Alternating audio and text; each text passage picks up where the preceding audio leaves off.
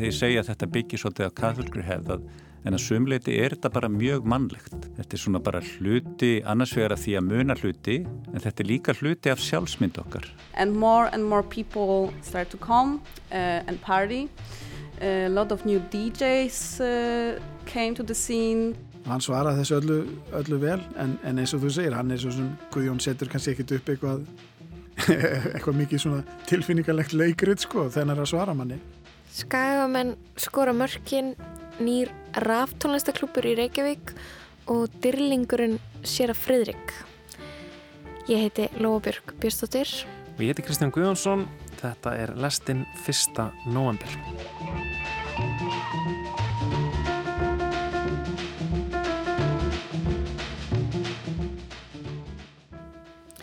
Í síðustu viku rætti Egil Helgarsson við sagfræðingin Guðmund Magnússon um nýjutkomna bók hans Sér að Fredrik og drenginir hans í bókmyndaþættinum Kiljunni við tal sem að vakti mikla aðtegli. En Sér að Fredrik var frumkvöðl í ungmennastarfi á Íslandi á 19. og 20. öld. Hann kom að stopnun KVM og KVK, Knattspyrnufélagsins Vals árið 1911 Hann stopnaði karlakórin Fóstbræður, skátafélagi Væringja, knattspyrnufélagi Hauka, svo fátt eitt sér nefnt. Og við lækigötu í Reykjavík stendur stitta af sér að Freyriki eftir Sigurjón Ólafsson. En í þessari bók eftir Guðmund kemur fram að Freyrik hefði káfað á 11 ára dreng að loknum sunnudagsfundi hjá KFM á sjötta áratug síðustu aldar. Sér að Fredrik, hann er í hálgerðri dýrlingatölu hjá mörgum íslendingum, kannski einna helst valsurum. Það er Fredrikskapilla í hlýjaranda, mantra þeirra látið ekki kappið byrja fegurðina ofurliði. Jón Karl Helgason er profesor og kennir íslensku og íslensku sem annar mál í Háskóla Íslands. Eitt af því sem hann hefur verið að rannsaka eru menningarleir þjóðardýrlingar og árið 2013 gaf hann út bókina Ódáinsakur þar sem hann fjallar um eðli og hlutverk þjóðardýrlinga. Við setjumst niður með Jónu Karli og spjöllum við hann um tilgang og eðli dýrlinga í einhverju samhengi við Sera Freyrik.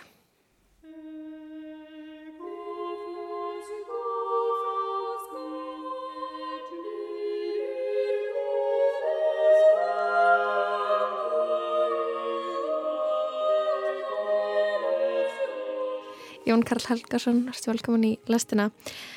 Eh, fyrsta spurningi mín er bara af hverju erum við með dýrlinga? Já, já ég held að svona dýrlingahefðin, hvort sem við erum að hugsa hana út frá trúabröðum eða, eða kannski bara svona almennari hugmyndum, hún gangi svolítið út á að, að búa til ták, í rauninni frekar einföld ták sem eru einstaklingur til að miðla oft mjög flóknum hugmyndum og ef, ef við bara hugsa um katholsku hefðin að þar eru dýrlingar upphaflega fyrst og fremst kannski píslarvottar, fólk sem hefur dáið fyrir trú sína og er kannski þýleti fyrirmynd, fólk sem hefur svo sterk að trúa, það er tilbúið að fórna lífinu fyrir það. En uh, svona eins og dýrlingahefðin þróast að þá fara dýrlingarnir í rauninni að, eh, að verða fulltrúar svona tiltekina gæða eða mannkosta, að það er svona dýrlingar ferðalanga og svo framvegis. Þannig, þannig ég held svona í grunninn sé hugmyndin með, með svona því að, að gera einstaklinga tákmynd hugmyndar sé, sé í rauninni að, að svona að þetta sé einfaldur tjáningamáti oft fyrir flokknar hugmyndir.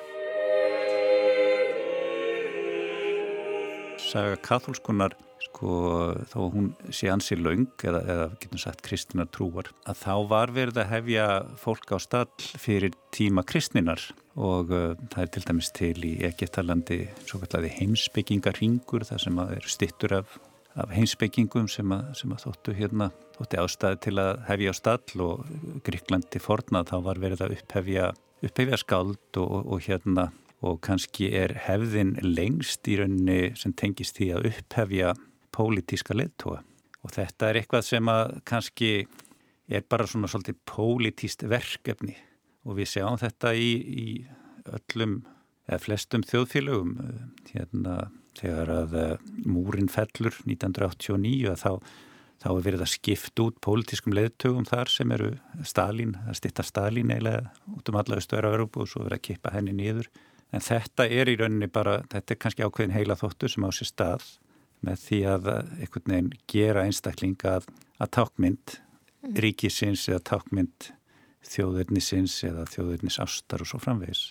En hvernig verða þessi dýrlinga, dýrlinga til? Hver velur þá? Af hverju er þessi dýrlingur en ekki þessi? Það er alveg frábær spurning sko að því okkur finnst ofta að þetta sé svona náttúrlegt. Við getum bara tekið dæmi af Jónasi Hallgrímsinni sem er svona þjóðardýlingur, menningarlegur þjóðardýlingur hef ég vel að kalla hann og hann kannski í samtíman er svolítið fulltrúi skaldskaparins, uh, aðdánar náttúrunni, uh, það að sinna tungumálnu og við höfum alveg dýlingadag, Amal Stænas sem er dagur íslenskra tungu. En þegar maður fyrir að skoða okkur hann var valin umfram önnu 19. aldarskáld, sérstaklega Bjarnar Tórarinsen, að þá er í rauninni átök þar á bakvið og, og þeir sem eru á bakvið þetta er, er svona hópur sem, að, sem við, við sem höfum verið svona að fjallinu þetta höfum viljað kalla postula. Það er þessi eitthvað svona þrýsti hópur sem að vill varðveita minningu tiltekis einstaklings og það geta verið á bakvið alls konar ástæður. Það geta verið eh, bara fjölskylda ástæður að, að það er hérna, bóji melst eða meðal þeirra sem vil halda minningu Bjarnar Tórarinsen á lofti umfram Jónas Hallgrímsson í 19. öld og hann er tengdur Bjarnar fjölskylduböndum meðal þeirra sem að taka þátt í að hefja Jónas á stall er, er Konráð Gíslason sem er félagi hans í, í hérna, fjölnisfélaginu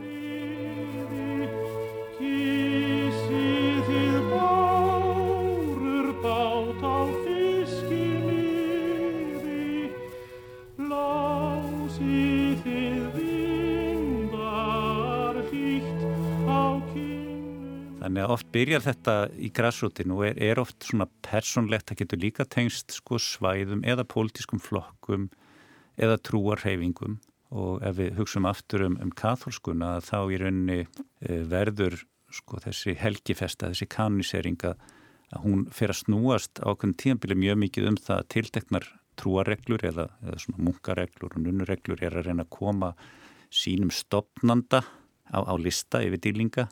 En e, En svo er líka dæmum það að, að, að þetta ekki, verði ekki til í græsrótunni heldur verður til ofanfrá og uh, til dæmis dagur íslenska tungu að, að það er í rauninni hugmynd sem að svona er, er uh, skipulögð frá mentamálraðundinu, Björn Bjarnason er mentamálraður þegar, þegar þessi dagur er, er svona mertur í almanakinu og, og við getum sagt að það sé svona dæmum að þarna sé verið að rækta minningunum ofanfrá og, og kannski tiltekinn stopnun svona sem sem svona tekur þessa minningu að sér.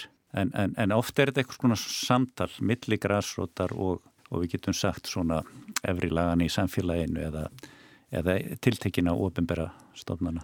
Mannleg þig mei er hinn mæra sól. Kíkjum að þess að lista úr, úr bókinniðinni Ódánsakur sem er frá 2013, það ekki? Jú. Um, þá ertu með svona lista yfir, yfir uh, hluti sem að hvað, segja okkur eitthvað nefn, hvað er að baki dýrlingadirkun eða, já, hvernig myndur þú lýsa þessum lista? Mm. Já, kannski frekar sem svona leiðum til að, að, að rækta minningu einstaklings mm. að, að það, það er fleirin ein leið til, til að gera það og, og hérna það má kannski skipta þessu í, í það sem við getum kalla helgadóma sem á ennsku heitir relics. Það er það, það er eitthvað varveitt sem að tengist einstaklingnum og, og, og því er sapnað saman. Og, og til dæmis sko uh, bein Jónasar Hallgrímssonar eru flutt frá Danmörku til Íslands. Það er verið að varveita minninguna í gegnum það og gera, gera þá þjóðargrafrit en að svona minningarstað Hátti heiði blíkar,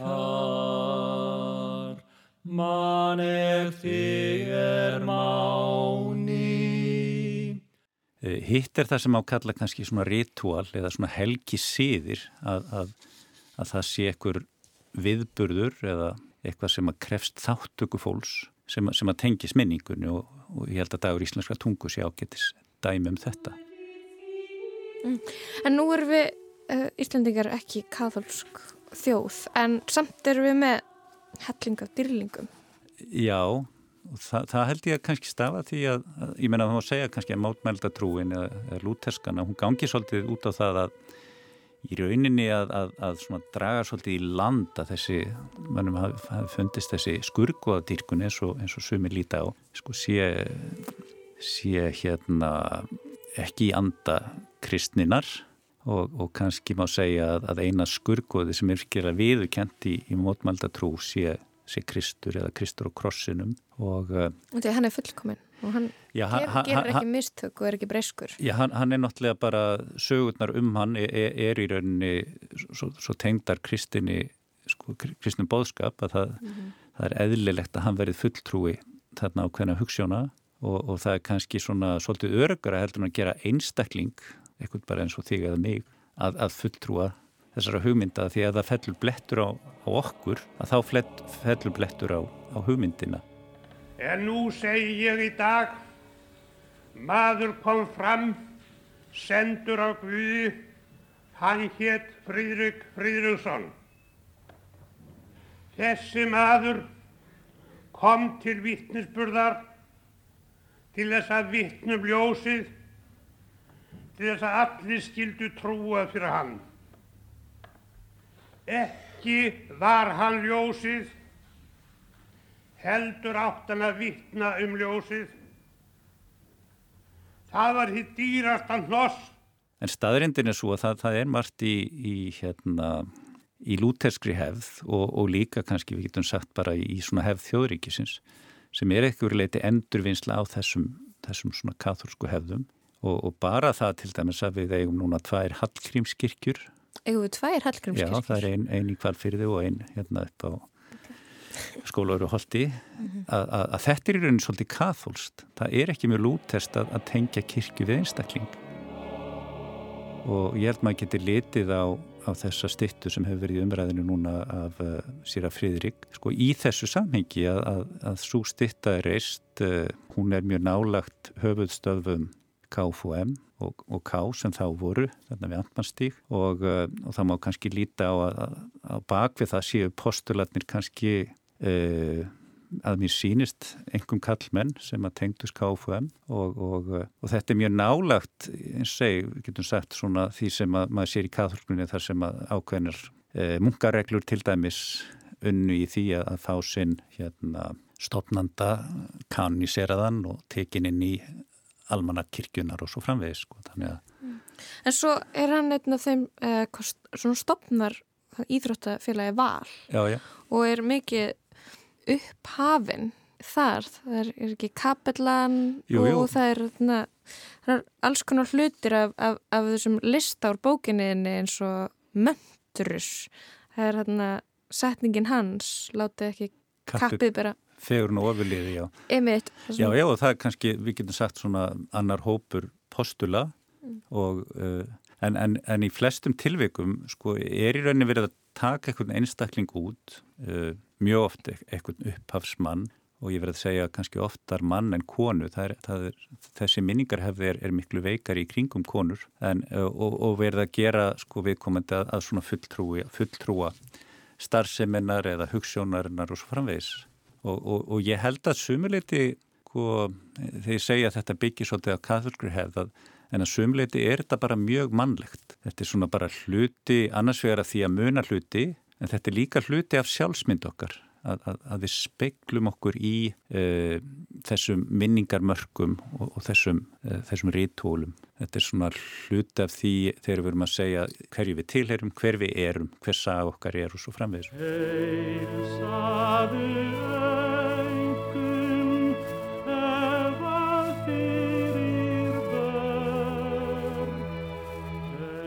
Jú, það, það er í rauninni mjög, mjög fórld að skoða þetta starra umhverfi þessarar stittu eða þetta er nú stundum kallað líka líkneski það er, það er mjög aðtilsvægt að skoða hérna, eða standmynd þessi orði eru nótuð um, um, um svona stittur en eiginlega öll lækjargatan sko er svolítið bara eins og svona það sé búið að raða upp tablmönnum á tablborði Elstu stitturnar sem eru settar upp þarna við lækjagötu er annars vegar stitt af Jóni Sigursinni fyrir framann stjórnarraðu og svo stitt af Jóni Hallgrímsinni fyrir framann Bernhustorfuna þar sem að stitta Friðriks er núna. Og til að byrja með standa þeir þarna sikkurum megin við bankastrætið og eru svona svolítið sko að hveði alla sem að fara út úr miðbænum, snúa, snúa í vestur. Nú er kvorugur þeirra þarna lengur, þar að segja Jón Sigursson er færður inn á Östurvöll upp úr 1930. Þar hafi verið stitt af, af, af Bertil Torvaldsen sem að núna er inn í hérna, hljómskólagarði en áður en Jón Sigursson fer sko þarna af sínum stalli fyrir hann stjórnaraðu þá búið að setja Kristján Konung þarna og hann, hann stundu kallaður Kristján Blaðasæli því hann er rétta fram stjórnarskrána það er eins og hann sé með dagblæði í höndunum en, en, en ef maður horfir eftir allir í rauðinni að, að þá er í rauninni þá er verið að minnast margra einstaklinga og kannski verið að tjá margar hugmyndir þarna að, að hérna eins og Hannes Hafstein kemur þarna fyrir fram með stjórnaræði í staðin fyrir Jón Sigursson og þetta er eitthvað svona eins og sviðsetning á því að Íslandikar fái stjórnarskrá og fái fyrsta ráþarann sem er Hannes Hafstein. Mm. Þannig að þetta er næstum eins og svona kirstað leikmynd. Mm. Uh, nú Jónas Hallgrímsson, hann, hann er fluttur inn í hljómskólagarð þegar það eru 100 ár liðin frá dauða hans 1945 og Fríðrik kemur þarna tíarum síðar en hann er að ykkur leiti svona kristilega tákmynd í rauninni, hann, hann situr með barn sér við hlið og, og það er ekkert margar stittur eða, svona goðar þessar stittur svona í borgum og bæjum þar sem fólk situr, það, það er oft helst hugsuðir, það er til sitjandi stitt af kirkigord í Köpmanahöfn og, og reyndar Hási Annesen líka. En, en þetta er í rauninni svona mótíf sem að sko er mjög stert í kathólskunni það er kannski ekki margar stittur sem ég fann beilinins af Kristi sitjandi með barn sér við hlið en, en hann er freka með barn í fanginu. Uh, Marja May situr oft með Krist í fanginu. Mm. þannig að, að, að þarna er í rauninni svona verið að, að tengja sig við kristilega hefð til að miðla ákveðin í hugmynd. Og svo flett, fellur kannski blettur á einstakling og hérna og, og þá breytist hugmyndin og það er það sem ég finnst svolítið áhugavert að stitta er svolítið svona þögult tákmið og, og þegar hún gerð þá á hún að tákna eitthvað sérstakt. En, en svo eru ímið stæmið þess að, að, að einstaklingar eða hópar geti breytt merkingunni og, og það er mjög tákgrænt þegar það er e, e, núna fyrir nokkrum dögum sett svart klæði við stitti Fridriks og, og þetta er ekkit einstæmi heldur að, að stitta til dæmis Jón Sigurssonar og Ístufelli að hafa verið e, allavega tvö dæmi um það að, að, að tilteknir hópar hafa nýttana til að tjá eitthvað sem, sem þeir vilja segja og það var í fyrsta lagi í tengslum við Káranhjókavirkjun að þá, þá var komið fyrir nýðstöng sem hluta af stittunni af Jóni Sigursinni og svo í hrununu að þá, þá var Jón Sigursson klættur í, í svona bleikan kjól eða bleikt drag. Þannig að, að, að þetta, þetta er mjög áhugavert sem svona sko hluta af eitthvað svona tjáning og átökum og, uh, og þetta er ekkit sér íslenskt. Það er heldur ekkit eðlilegt að, að, að þessi merkingar framleysla sem á sér stað, þó hún sé sko að margulegði mjög varanleg, kopar er mjög varanlegt efni eða, eða bygging, að, að það er, er ekkit óeðlilegt að eftir því sem tímin líður og við þurfum breytast eða einhverja nýjar upplýsingar komið fram að, að okkur finnist að við þurfum að endur skoða þessa sögu, þessa sögu minnismerkjana eins og okkur finnst bara eðlert að börn í dag lesa ekki sömu Íslandsögu og þú lásu fyrir hundraðarum. Þröstur minn góður það er stúlkan mín Þetta var Jón Karl Helgason sem var hjá okkur að ræða við okkur um dýrlinga og við tölum svolítið í því samingi um, um Jónas Hallgrímsson og uh, já, ég fann þessa um, ég fann þessa plötu í kistunni. Lægið Nú andar söðrið og það var hann Einar Kristjánsson sem söng og útvarpsljómsutin sem spilaði undir. Og það er ekki, það kemur hverki fram sko hvað ár en ég held að sé mjög, mjög langt síðan að þetta var hljóðuritað mm -hmm. Og úr um, gamalli tónlist þá ætlum við að fara í nýja tónlist.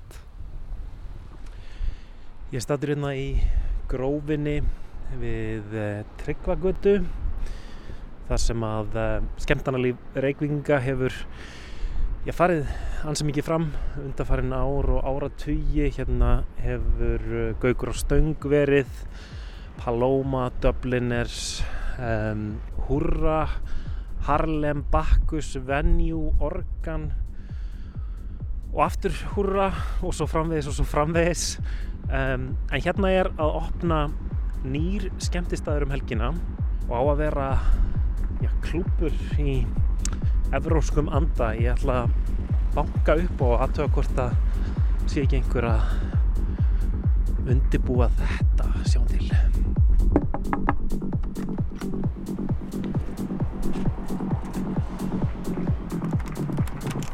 Halló, Kristján Það er saman. Þess.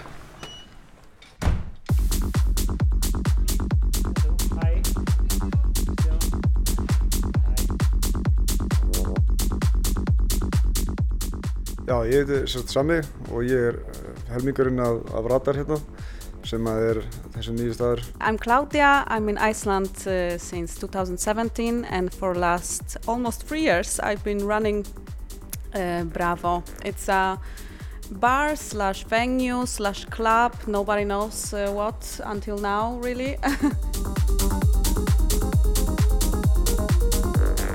I've been establishing uh, renommee of the place for last two years uh, as a electronic music kind of venue. So it definitely built up a scene here, and now uh, me and Sam we're taking idea to the other place uh, to expand it a little bit and uh, create appropriate uh, and safe space Þetta eru þau tvö sem eru drifkraftarnir í þessum nýja klubbi í grófinni, Radar. Sami bjóðum tíma í Amsterdam, þar sem hann kynntist meðal annars öflugri klúbamenningu.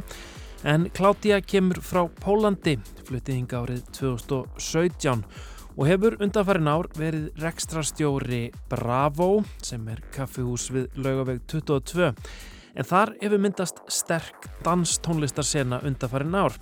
En nú er planið að gera Bravo aftur að rólegu kaffihúsi og færa klúbastemninguna og danstónlistasenna yfir á þennan nýja skemmtistað, Radar, skapa þar örugt rými fyrir danstónlistar unnendur og djamara. Nú er, eru þið hérna að undirbúa í raunin að breyta þessum skemmtistað, breyta þessum bar sem að hurra var í næturklúb. Hvað, í, í hverju fælst slík vinna? Já, það er, sko, þetta, já, þetta var náttúrulega bara, þetta var líka svona tónleikarvenjú, sálsög, fyrir hljómsveitir og, og hvaðna.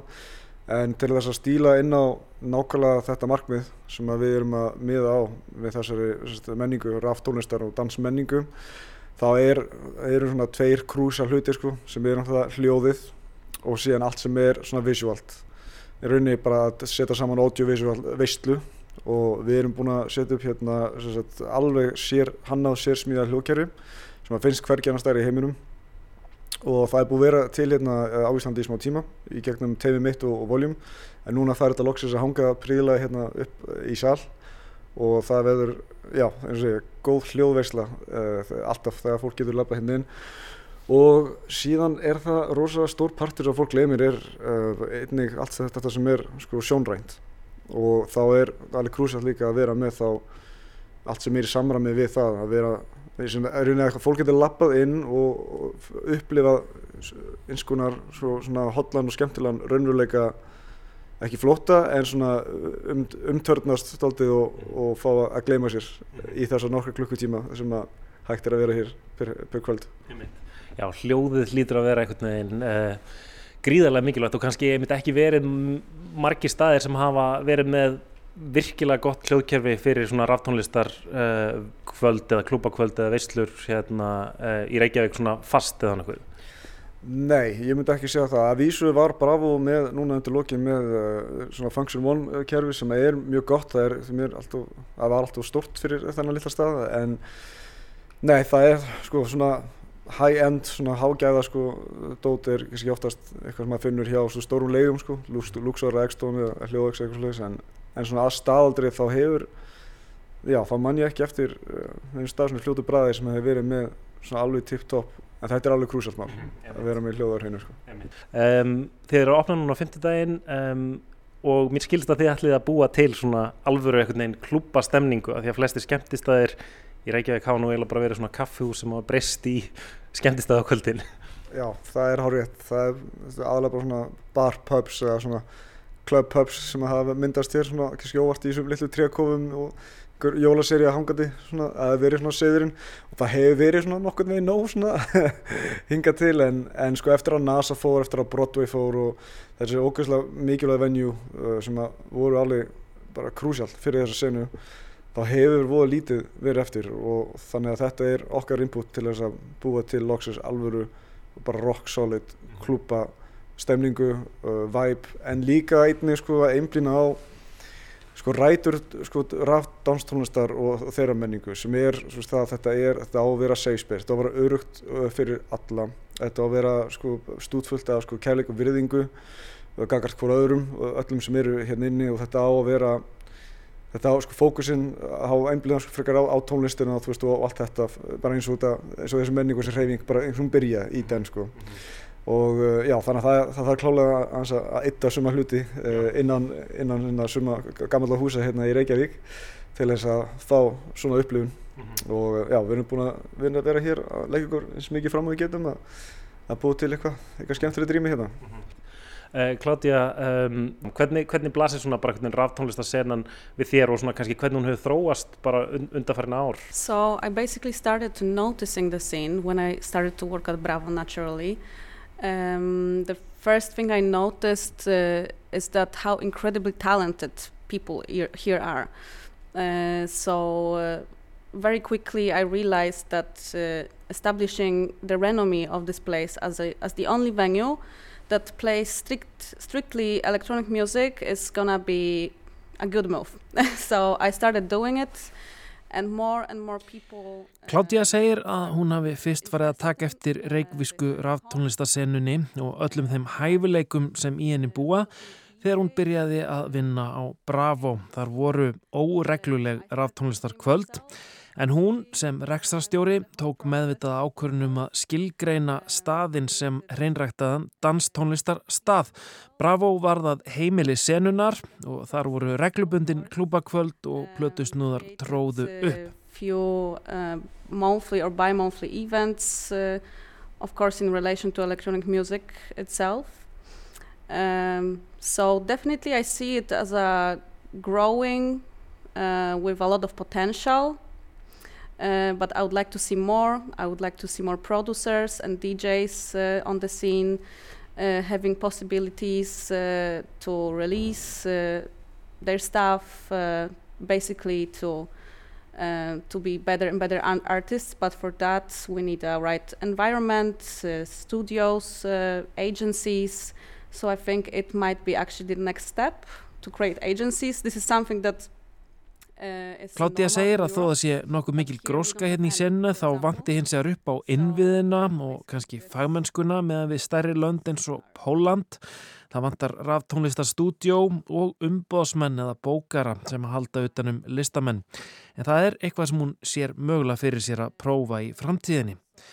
Hún segir Bravo hafa verið mjög mikla grassrót, allt mjög heimabakkað en hún hafi fundið fyrir mjög sterkri þörf hjá fólki fyrir stærri stað, stærri stað fyrir senna, stað með dansgólfi og svo framvegis. So I think this transition to radar now is a, is a natural, natural um, result of, uh, of people demanding of the place, um, of the space, of the environment where they can come and have fun all together. Nú hefur Kláttíða verið mikil orkusbrauta inn í danstólistasenna í Reykjavík en þar hafa fleiri pólskir listamenn og plötusnúðar verið öflugir og ég spyr Samuel hvernig hann sér áhrif pólska samfélagsins koma inn í íslensku ráftónlistarsenna. Já, það eru það svo, mjög margir austur-európubúar sem eru hér á öllum aldri, öllum tægi og þeir eru búin að vera rosalega dölir í að sækja bara svona viðbyrði, ráftónlistarviðbyrði af öllum skala sko, en eru líka að koma inn með stefnur sem hafa ekki verið mjög algengar hérna heima eins og sætrans eða harðari svona, já, svona harðari og hraðari uh, stefnur sem eru algengar í Östur-Európa sko, hvort það sé Pólandi eða Litáin eða hvaðna og fyrir tíu árum þá hefði þetta ekki verið svona vinsalt uh, fyrir Íslandinga að koma og undir, já, undir sama þæki með, hérna, með svona tónlist og, og hvaðnað en þeir, þeir eru virkilega duglegir uh, þessi einstaklingar sem að koma að þessum viðbörum og hérna á förstdægin mun vera eitt, eitt solis eintak af hérna, viðbörum sem að er, er svona sætrans og það er bara ótrúlegt, þetta eru óbáslega vinsal kvöld sko, eitthvað sem að já, við séum fyrir tíu árum þá hefði ekki verið litið við þessu hérna heima en það er bara þetta gegja, bara að fá alls konar influence inn frá hérna, uh, frá fólkinu sem býr hér sem er ekki veist, íslenskt. Og það er rauninni bara svona besta báum heimum sem kemur saman undir saman þæki sko.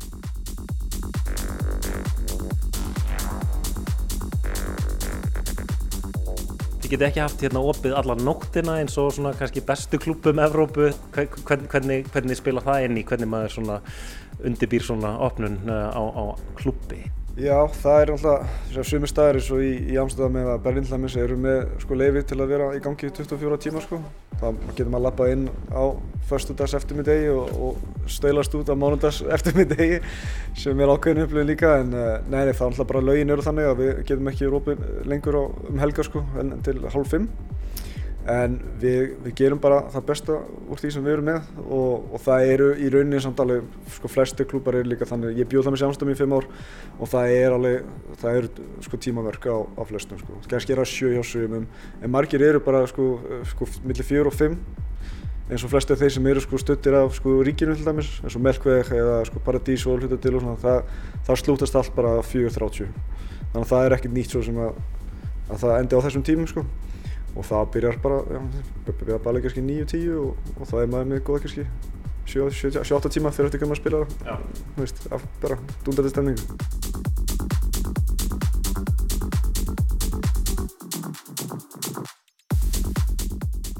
Samuel og Claudia, takk kærlega fyrir uh, að taka mótið mér hérna á uh, Radar og gangi ykkur vel með opnununa núna á 50 dag.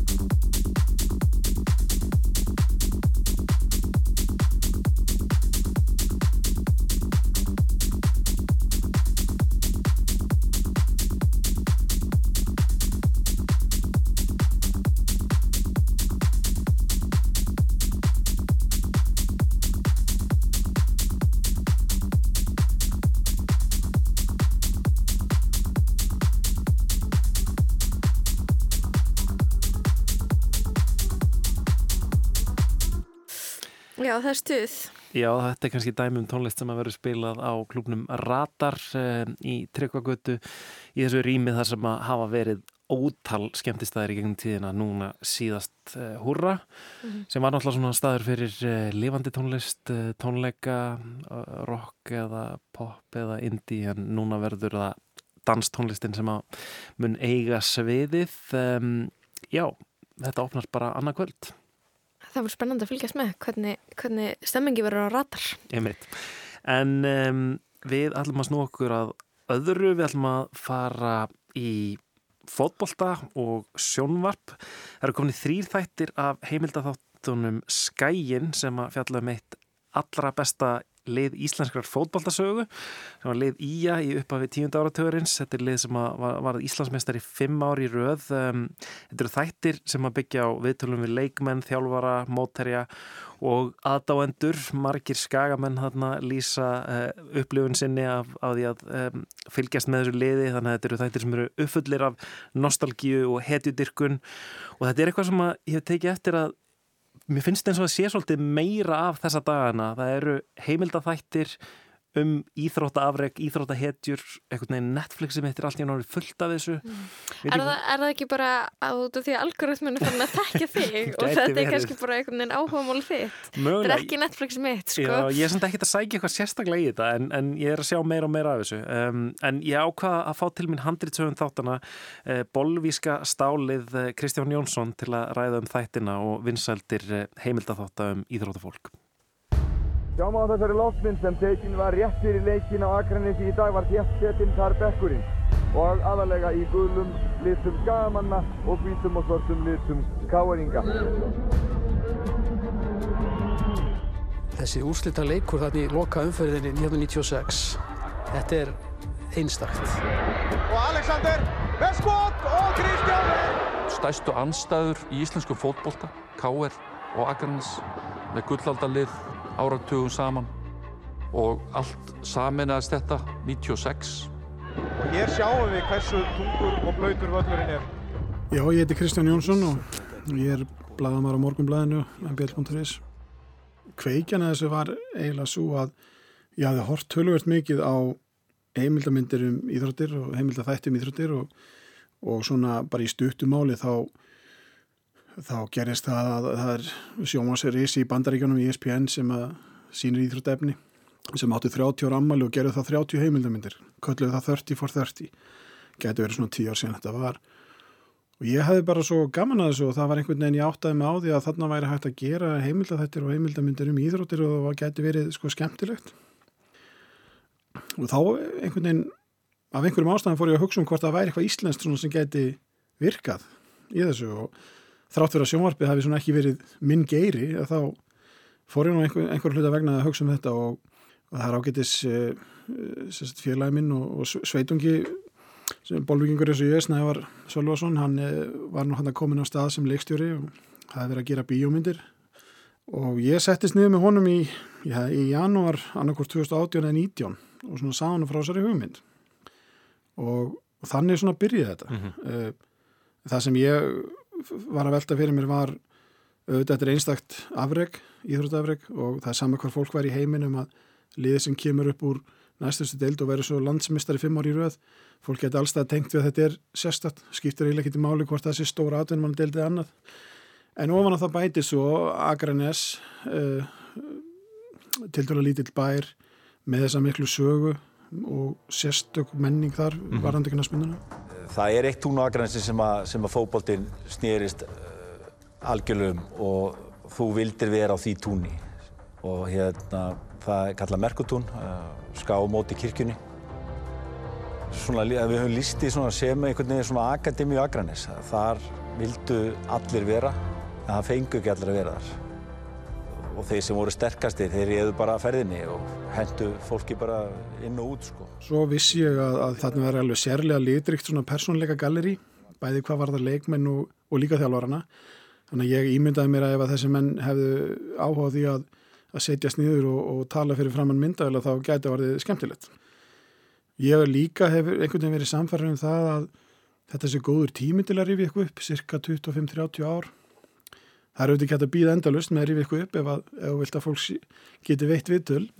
En að samaskapið þá finnst mér sjálfum, það er bara svona mín persónulega skoðun að ég hef en- engan sérstakann áhugaði sjálfur ef að vera að rifja upp eitthvað sem gerist fyrir fimm árum eða tíu árum eða það er einhvern veginn bara nálátt mann í tíma. Sko. Mm Já, maður er komið með eitthvað svona e- e- einhverja fjarlægð eh, en, maður sér þetta einmitt líka núna að það náttúrulega er e, rosa mikið einhvern veginn núna verið að rifja upp hluti sem er, voru að gerast á tíunda áratögnum eða, eða kannski e, snemma á, á þessari öld einhvern veginn kannski þeir sem voru unglingar eða ungir á þeim tíma ég vel börn e- eru núna komnir í, í stöður í fjölmjölum og einhvern veginn nostalgían fyrir einhverju svona tímabili drífur náttúrulega fólk líka áfram í að, Já, í að gera svona það er alveg rétt. Ég, ég var í gaggu þegar skagamenn er að byrja þessa sigugöngu og er í mentaskóla þegar eru að ljúka, þegar henni líkur og hérna Snævarinn er hann nokkuð yngri en hann er kannski í, í fótbolta í sjöttaflokki eða fymtaflokki þegar þetta er og uh, þannig að hann auðvitað myndi alveg eftir þessu bara sem besta liði landsins.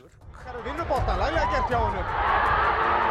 Við erum ekki að tapa heima þannig að þeir fáu Íslandsmeistaratitilin afhendan á Akranesi. Ekki að ræða það. og úr varð einhver mesta gæsa húðar stemning eh, sem að ég man eftir í íslenskum fótbolta. Af því að það vildi enginn, það vildi enginn missa af þessu augnabliki.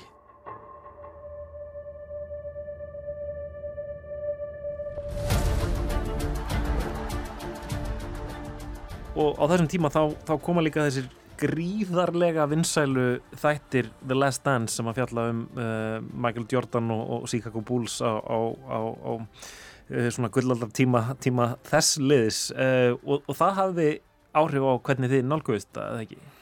Já, sagt, hugmyndin verður til áður en að lestens kemur til, þannig að fólk gæti auðvitað að dreigi þær álíktanir að vegna vinsælta lestens þá hafi, hafi við og einhver aðri að fara að hugsa um svona þætti. En við, við vorum sjálfur sem búin að sjá þetta fyrir okkur áður en það breytir samt þessu að í staðan fyrir að við, að við varum að fara að gera einhver heimild að mynda þá meiri hugsun að þetta séu þættir það sé meiri hérna, eftirspunni eftir því. Mm -hmm. Last Dance er auðvitað mjög svona sérstætt vegna þess hvað, hvað þetta var auðvitað bara flott og, og hérna mikið í þetta lagt. En, en það er áttu menn líka 30 ára gammalt myndefni sem að þeir einhver, ég veit ekki hvernig þeim tókst að liggja á þessu svona lengi.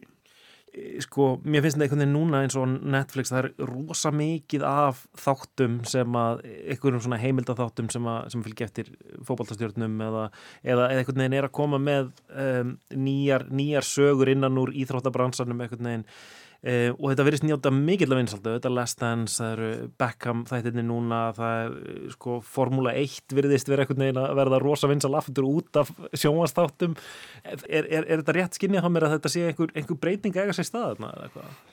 Já, ég held að það sé augljóslega það hafi augljóslega átt sér stað breyting og, og það er eins og að sé annarkvort er orðin meiri eða stærri markaður fyrir þetta eða þá að menn sé að uppgöta að sé stór markaður sem að menn hafi bara ekki uppgötaður en Ég held að það sé ekki spurning og það eru þarna þættir eins og þú nefnir sem er formúluna og þá er líka varandi gólfið í bandaríkanum og þá eru menn bara í nútímanum og hafa, fá aðganga að þessum stjórnum og, og svo búið textmennum að svona, búa til dramatíki kringum þetta og, og með, þá maður sér alveg að, að þátt að gera fólkið að það svona getur verið heppið eða óöpið eftir í svona hversu mikið gengur á á þessum tíma sem það hefur aðgang. Mm -hmm og svo eru þarna þættir sem að voru, er á Amazon Prime þar sem að menna fengja aðganga að einhverju liði. Og þetta virðist að byrjaði í amerska fókbóltanum og í Ísokínu NHL og hefur svo færsið yfir til Breitlands þar sem að margir íslendingar hafa þetta áhuga einsku knaspundinu sem við þekkjum.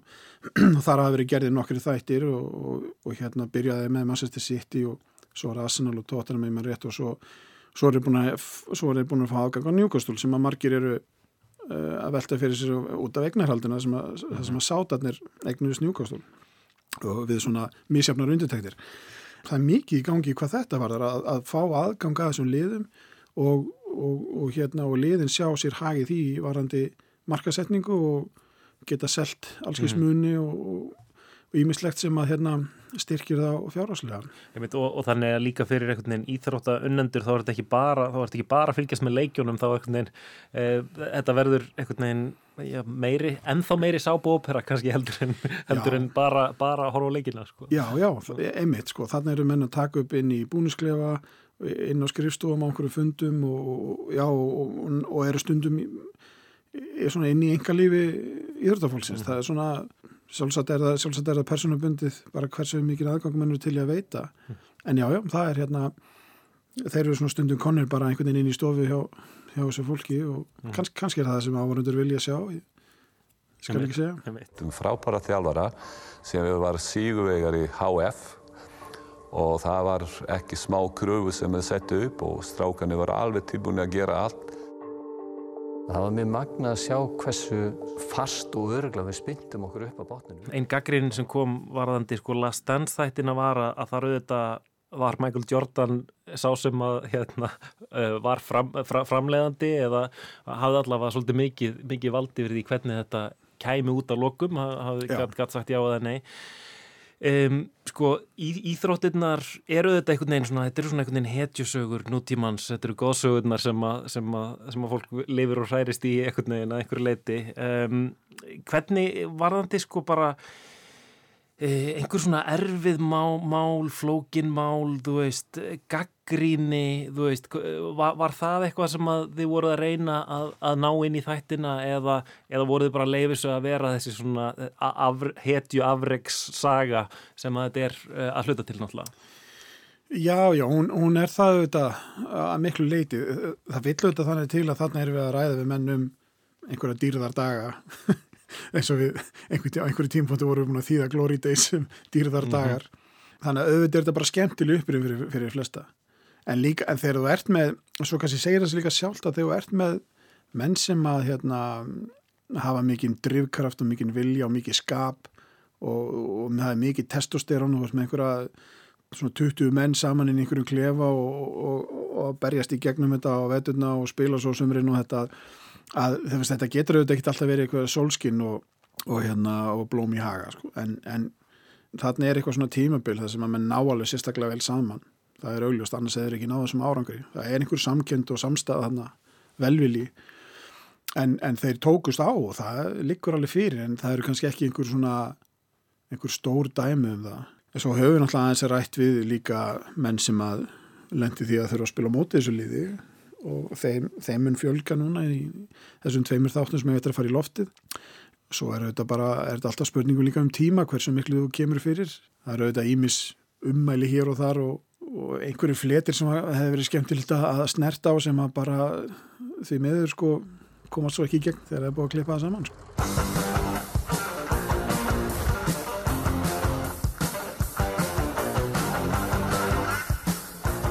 Ef ég ætla að kvíla mig fyrir leiki þá leið mér ekkert betur á því sko. Mér leið eiginlega betur á vellinum þegar það var svona aksjón í gangi í vinnunni og maður bara kom upp á völl í aksjón, í búningin, út og held þessar aksjón áfram.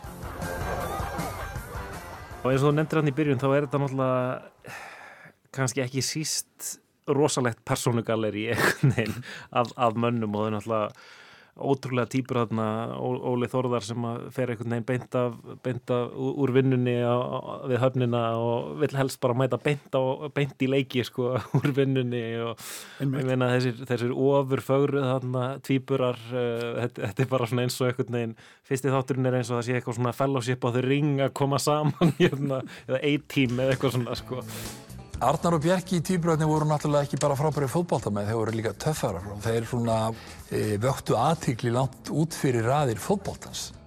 Og svo ertu með Luka Kostik sem kemur frá Króti og Mihálu Bíbersits frá Serbíu. Svo bætist Soran Melkovits við frá Serbíu sem að í rauninni kemur til umfylluna í næsta þætti. Þannig að... Og svo þessi rosalegi svona matter of fact hérna, þjálfari Guðjón Þorðarsson sem að hérna í þessum viðtölum svona er ekki að sína miklar tilfinningar en, en, en hérna rosalegu karakter hvernig. Þegar ég kom að liðinu þá var andinn að lágu plani en horfið niður á tæknar á sig það var engi sem horfið fram á við það má segja saman sálarlíf bæjarins það voru allir döfur og tapirir yfir framistöðinu og þeirri staðrind að liði væri komið í bjöðdeild Ég tók viðtölun í þáttunum og rætti lengi hérna við Guðjón og, og hérna Guðjón er mjög, mjög mælskur eins og, og Íslendikar var að þekkja og, og hérna hann svaraði og hann svaraði þessu öllu, öllu vel. En, en eins og þú segir, hann er svo sem Guðjón setur kannski ekkit upp eitthvað eitthvað mikið svona tilfinningarlegt leikrið sko þennar að svara manni. En hann, en hann, en hann svara spurningunum vel. Þetta eru þættir um þetta lið sem að, sem að vinnur þetta svakalega áreg að koma, koma beint upp úr annari dildinni og verða Íslandsmeistarar og, og vinna þann titil síðan, hvað er þetta ekki, fimm ár í rauð hvernig býr maður til spennu úr, úr því þegar allir vita hvernig hvernig sagan fer eða vildu þau, eða voru, var það kannski ekkit pælingin? Já, við, við vorum auðvitað veltið svo mikið fyrir okkur og, og hérna við erum með náttúrulega mjög snjallan klippara Lóa Ingimarsson, mjög fær og, og, og hann er auðvitað líkil maður í þessari vinslu eins og kannski allir vitaði þegar kemur heimildamindum heimilda þáttum, þá er auðvitað klippingin uh, stór þáttur í þetta er svo mörg viðtöl og, og margi viðmjölendur en uh, jújú, jú, við, við vorum að velta þessu fyrir okkur að það er það, er það langt síðan þetta var að það eru svona, það eru yngri kynslu sem þekkit ekki. Svo er einhverju sem bara kannski fylgist ekki endilega það mikið með á þessum tíma. Einhverju sem eru kannski bara búin að gleyma hvernig þetta var þannig að einhvern veginn þá myndast einhver spenna og eða einhverju eftirvænting kannski fólk veit af einhverjum, einhverjum leik eða einhverjum atökum og veltir fyrir sér hvernig munið þeir nálgast þetta. Hva, fólk kannski mann eftir þessum fræga hljóðneimuleik sem allir með sér öðrum þetta hjá okkur. Og það sem dómarinn var með, með falin mikrofón. Akkurat, akkurat. Og var svo sínt á, á stöðtu og, og hérna. Þannig að fólk veit alveg á þenn leik en, en kannski hefur áhuga á að, að velta fyrir sér já, hvað hva segja þeir leikmennir um hennar leik? Rikki, hvað er þessi fyrirlið aðeins? Þið verði að fara að róa menn og láta að spila knaspinu hérna. skiptir máli. Já, já, það er, það er líka, það er líka dómarnir það er pressa öllum, dómarnir er líka standið sísu já, já. Aldrei, þú hefði titringurinn í þig Standir á þig Já, Bræði dómari var með smá fórskot að því hann alltaf var eitt sem vissi hvað var í gangi. Þannig að maður, maður, heyrir eftir Í þriða þættinum er náttúrulega fræguleikur á móti Fæinúrt fólk sem hefur mikið áhuga á það, kannski veit hvernig leikurinn fór þannig að það er, já, það er einhvers konar svona spennu og eftirvending sem að, sem að myndast en, en hérna, kannski ímislegt sem spilar inn í það er þetta líka svona flott músik eins og, eins og er í okkur og svona sem, að, sem hefur, hefur áhrif á það er þessi hughrif þegar maður horfir á sjónvarpið sko, það er, mm -hmm. þú ert með eitthvað fyrir framæg og svo er einhverjar einhver, einhver myndir fyrir framæg annarkvort reyfimyndir eða ljósmyndir svo er einhver að segja eitthvað og svo er músik undir og misjaflega dramatísk Já. Þannig að allt þetta hefur einhver, einhver áhrif á mann þegar maður situr svona fyrir framann kassan Já, um mitt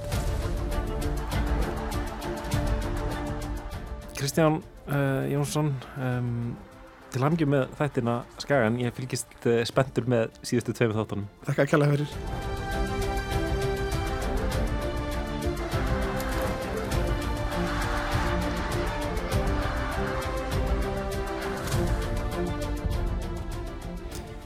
Lóa, í, í hvað stöðu spilaðir þú aftur í boltanum í galanda?